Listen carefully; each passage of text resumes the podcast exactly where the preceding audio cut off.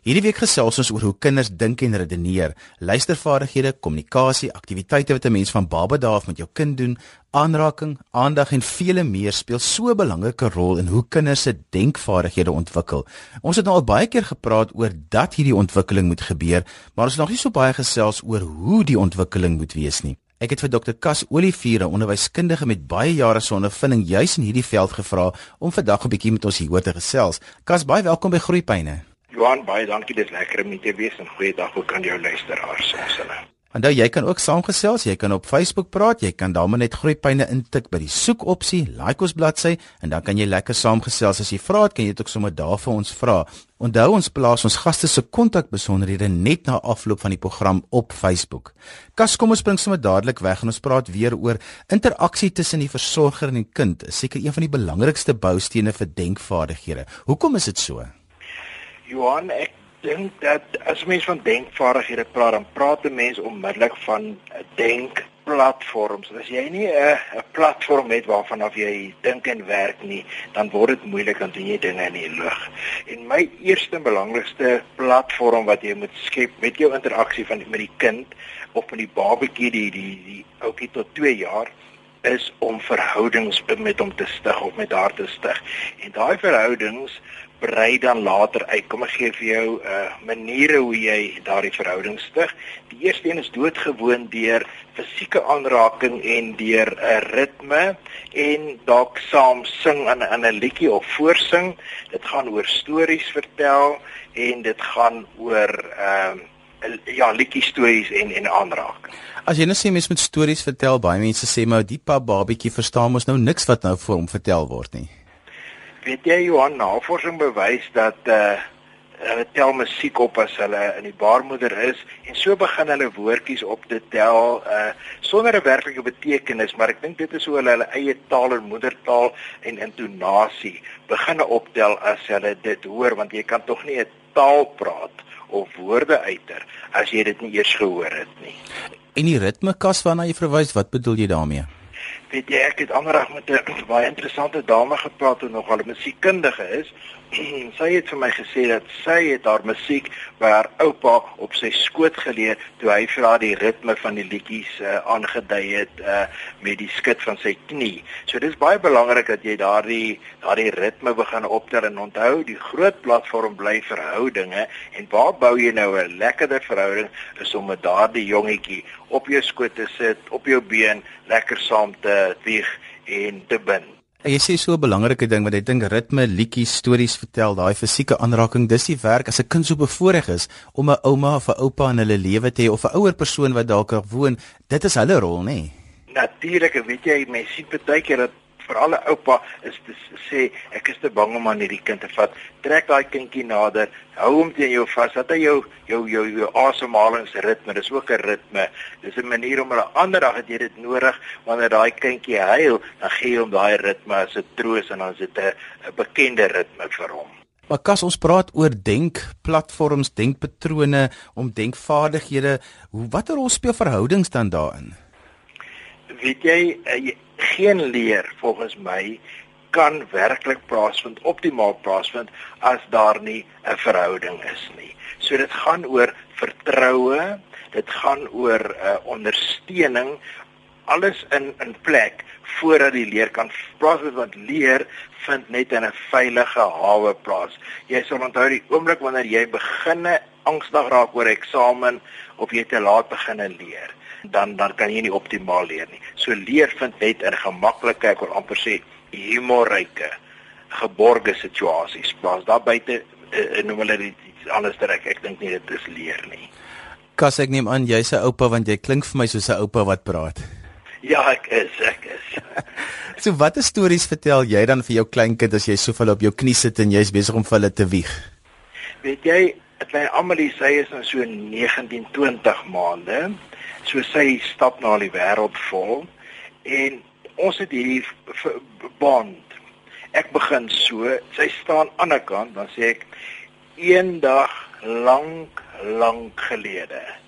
Weet jy dan lê haar oortjies plat na my toe en sy weet nie watter een van die storie gaan ek nou gaan ek nou vertel nie. So sy weet as ek begin met 'n storie of op met lank lank gelede, dan is dit 'n nuwe storie en baie interessant ek wil vir jou vertel.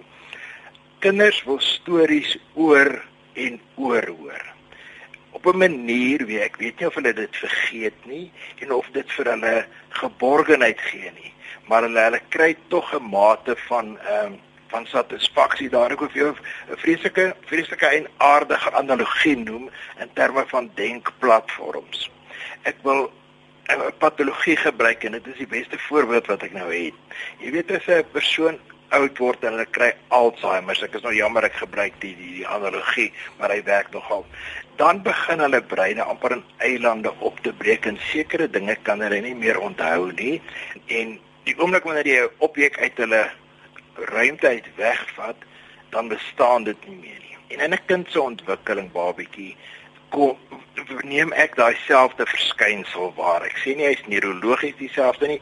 Ek sê ek neem dit net waar as 'n kind 'n warm koppie wil vat en ek gee vir haar 'n sleutel, dan vergeet sy onmiddellik van warm koppie en sy gryp na die sleutel. So wat ons eintlik doen is ons is besig om met stories daardie denkplatforms uit te brei want hulle moet uiteindelik een landskap saamvorm. So jy doen eintlik die teenoorgestelde as wat gebeur by ehm um, by Alzheimer. Jy is besig om 'n storie oor hasies te vertel, 'n storie van rooi kappie, 'n storie van hierdie en uiteindelik oor tyd begin daardie goed op een landskap vir hulle te verskyn en die wêreld gaan vir hulle oop. Ek wil nog iets by jou lysie byvoeg wat ek wat saam met stories en en liedjies is natuurlik 'n ander ding wat ons op Groepyne so baie oor praat is die rol van rympies. Die ander wat ek ook wil by sê is as jy sê van eendag lank lank gelede, dit is die basis van geletterdheidsontwikkeling want jy begin dadelik vir die kind dat hy antisipeer, daar gaan iets kom. En daai antisipeer, daai voorspelling, daai afwagting dat hier kom 'n storie, kry daai hele ek maak sin, ek maak betekenis en ek is krities en ek dink al daai vaardighede word outomaties geaktiveer aktiveer in kinders. So daai eendag lank lank gelede wat oumas en oupas so vir kinders vertel, is amper een van die basiese goeters wat 'n mens se kind mee groot maak. Natuurlik Johan, weet jy dit is natuurlik oor ook 'n basiese wiskundige begrip daarin want dit gaan oor wat gewees het en wat is en wat kom. Dit is wonderlik wat jy daar sê. Ek ek, ek is so voorstander want ek sê altyd daar's so sterk skakel tussen stories vertel en wiskundige ontwikkeling en baie mense verstaan dit glad nie dat daar so 'n skakel is nie. dit is verby die fondasie van van wiskunde, stories, jy weet, bo op onder, daar begin ons meer rasies as muise. En onmiddellik begin jy die basies van die basis van van optel en aftrek. Cassie, wat jy gesê het is dat jy sê baie van hierdie kennis lê in klein eilandjies in die kind se kop as ons dit nou so metafories kan sê. Hoe verbind ek dan hierdie klein eilandjies van kennis vir kinders want dit is 'n baie belangrike denkvaardigheid. Goed, deur dit oor en oor vir hulle te herhaal en ook op 'n stadium dit te toets want dan sal ek vir haar sê die eerste varkie se huisie was van en dan moet sy vir my sê van gras. So op 'n manier skep jy vir hulle 'n 'n 'n ongemaklike ruimte waar jy nie die sin voltooi nie en dan moet hulle dit vir jou aanvul.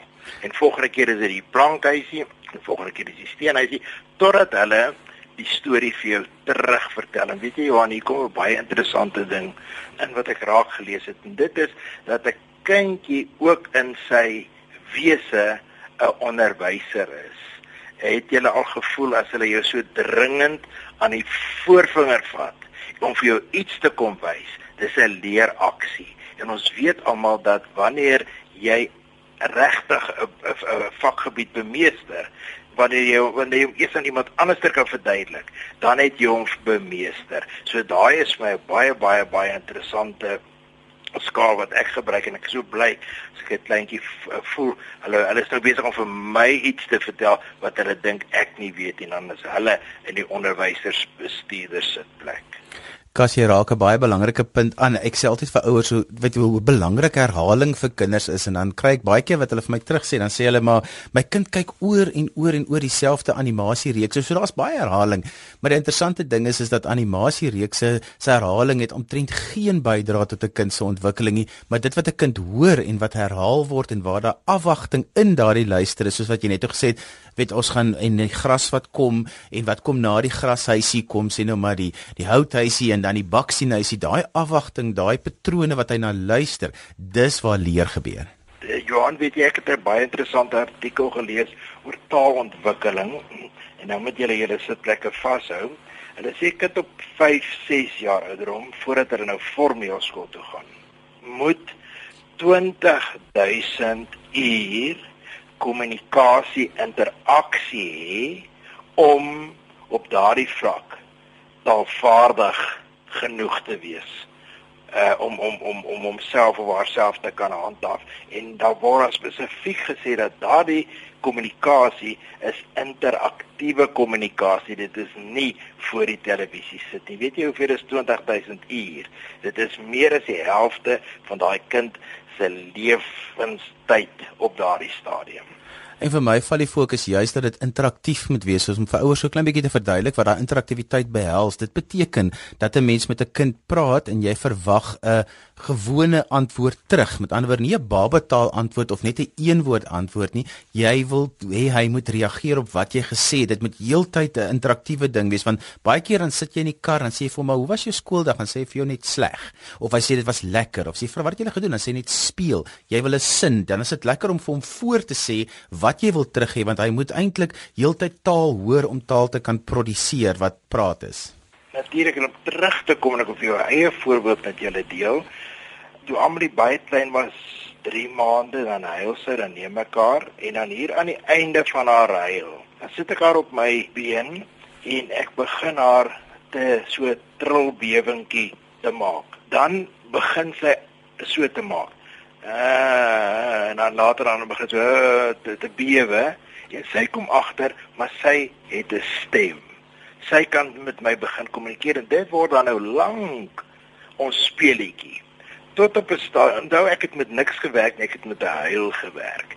Dan as sy daai selfde ding doen, dan speel ek met haar onderlippie en dan kry ek hierdie en later dan begin sy dit self te doen en dan was sy my ook wys om dit te doen en dan sê sy ook vir my dis nou my beurt om te doen.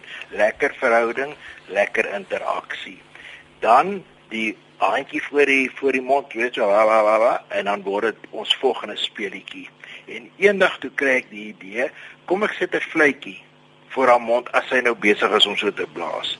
En omtrent die 4de keer was ek gelukkig. En sy blaas daai fluitjie raak. Dit was nie die einde van die fluitjie blaas nie. Dit was maar die begin want ek het nog 'n paar misse gehad in die tussentyd ook. Maar dit het gemaak dat Amelie op haar eerste verjaarsdag haar eerste kersie kon doodgeblaas het. Wat ons vandag baie sukkel vir kinders tot op 13 maande wat nog nie kan blaas nie podcast jy raak vandag 'n baie belangrike ding. Is mense altyd my vra wat is my wens vir elke kind in Suid-Afrika? Dan sê ek altyd ek wens 'n ouma en 'n oupa wat baie betrokke is wat by elke kind betrokke kan wees want daar's niks meer wat waardevoller is as 'n ouma en 'n oupa wat by hulle kinders betrokke is nie. Natuurlik jy luister na Groepyne my gas vandag is Dr Kas Olivier. Hy's 'n onderwyskundige met baie jare se ondervinding in die veld van denkvaardighede ontwikkeling by kinders. Hy self 'n oupa en het ook 'n kleinkind so hy verstaan presies hoe dit voel om met kleintjies te werk werk. Kas, wat is nog belangrik as ons praat oor denkvaardigheidsontwikkeling by kinders? Weet jy, ek dink daar vier denk, kom ek noem dit denkwyse wat belangrik is en wat jy altyd vir die vir die kleintjies moet uitwys. Kom ek sê vir jou, eerste ene is logiese denke. Enige storie het logiese volgorde, so jy maak al heeltyd bewus, jy weet, eers hierdie huisie, dan daai huisie, wat gaan nou kom? Want dit lê die patroon mos ook vir wiskunde, want wis in wiskunde moet jy logies kan dink. Dan die volgende ene is kritiese denke. Was dit die uh die die varkie wat geblaas het of was dit die wol wat geblaas het? En dan gee jy op 'n stadium net 'n nee vir 'n of 'n kopskud vir antwoord, dan beteken dit hulle hulle begin die kern, die basiese, die kiem eintlik van van 'n uh, kritiese denke. En later kan jy sê ek wonder wat gaan gebeur en dan begin jy 'n kreatiewe. Sê kom ons verander 'n bietjie hierdie storie en uiteindelik weer terugskouend wat is die groter prentjie? Uh, wat vertel die storie vir ons? En dan het jy vier denkmodusse daar of denkmode. Die een is logies krities kreatief en groot prentjie. Nou weet jy Johan dit is goeie wat denk denkmodie of of vaardighede, denkvaardighede wat kinders nie self kry nie. Jy moet dit begin by hulle uh, implanteer en oefen en daar's baie foutjies en baie speletjies en so aan, maar jy moet hulle blootstel aan logiese, kritiese, kreatiewe en groot prentjie. Nou Kas, dis nie eintlik so 'n groot opdragie want 'n mens moet al hierdie goed inwerk by jou gesprekke met kinders. So as mens net bewus is van logiese denke, kritiese denke, kreatiewe denke en met groter prentjie denke, dan dan werk 'n mens dit so half in met die manier hoe jy met jou met jou kind gesels of met jou kleinkind gesels, nê? Nee? Kyk hoe trek jy aan, né? Eers hierdie kledingstukkie, dan daai kledingstukkie. Kan ons eers hierdie een aantrek? Nee, ons kan nie. Dis 'n kritiese is 'n kritiese denke. En agterna gaan kyk in die spieël, dan sien jy jouself groter prentjie. Help dit baie keer as jy vir kinders onlogiese denke gee, um, iets wat so half onlogies is en jy vir hulle sê maar hulle moet vir jou die fout uitwys. Natuurlik want dan is dit kritiese denke. En groter prentjie denke, dit is nogal 'n moeilike ding vir kinders weet jy hy hy groei hy groei maar so met tyd. Onthou dit wat ek nou hierso sê gebeur nie eens klaps nie. As 'n mens nie aan 'n verhouding werk nie dan het jy nie 'n verhouding nie. As jy nie aan denke werk nie het jy uiteindelik nie 'n groot prentjie nie.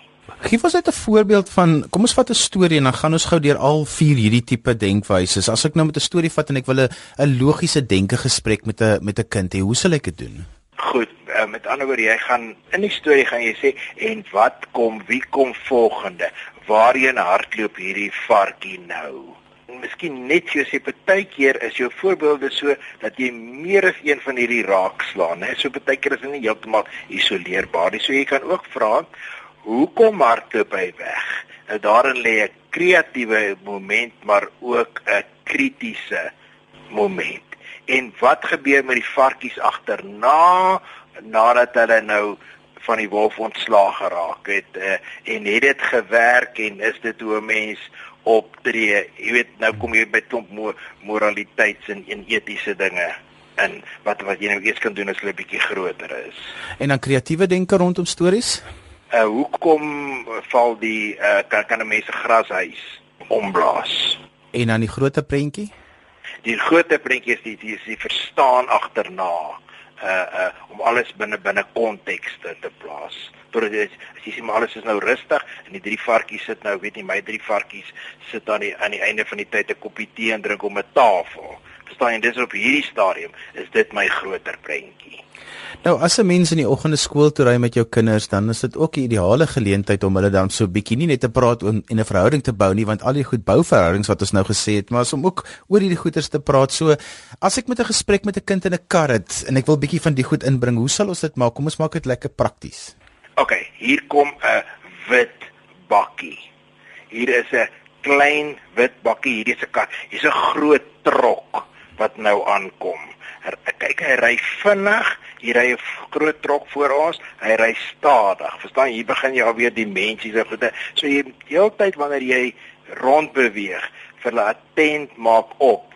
Al is dit net 'n harde daal wat langs hierdie pad staan. As jy kyk daar is 'n Harry daar en kyk 'n kind maak mos al van vroeg af as jy hulle leer die Harry daar se gelyk na. Dan doen jy eers nou die Harry daar ding en uh, dan soek jy weer 'n volgende voorwerp. En ek dink Ambelie is nou so 'n paar tree af dan gaan ons begin sê maar 'n lorry is rooi. En dit mos nou nog nie vir haar sê nie want dit lê in nie op haar platform se grootte en dit pas nog nie daar in nie. Dit het nog nie plek nie. Sy's nog nie by kleur nie Ek weet vir baie mense is die taksies op die paaie 'n groot frustrasie, buiten dat dit ook baie keer 'n onveiligheid is en mense bietjie met angs vervul, maar ek sê dit skep die ideale geleenthede vir 'n lekker lekker gesprek veral rondom logiese denke, krities denke wat jy kan ook maar net sê nou wat doen daai taxi nou net mooi op daardie punt.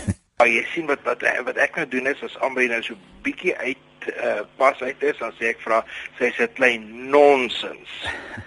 nou, wanneer 'n persoon op die pad iets doen wat hy nie moet doen nie, dan sê ek maar hy is 'n nonsens. En nou begin ek 'n ander begrip te gee aan daardie spesifieke woord, maar hy hy bly nog steeds dit is nie heeltemal reg wat die wat die persoon doen nie en volgende keer dat ek dit gebruik, dan gaan sy dit op 'n groter platform sien.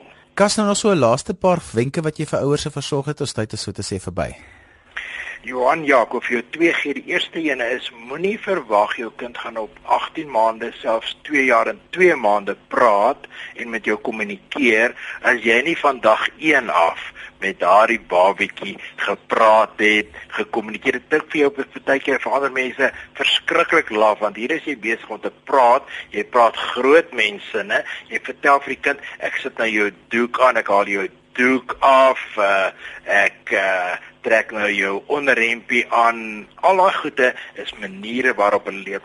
Moenie verwag jou kind gaan op 2 jaar praat as jy vir 2 jaar nie met die kind gepraat het nie. Hoe kan jy 'n woord uitspreek as jy nie die woord gehoor het nie? Ek bedoel selfs 'n papegaai het dit nodig, nê? Nee. Goed, hier hier kom 'n laaste een, hè.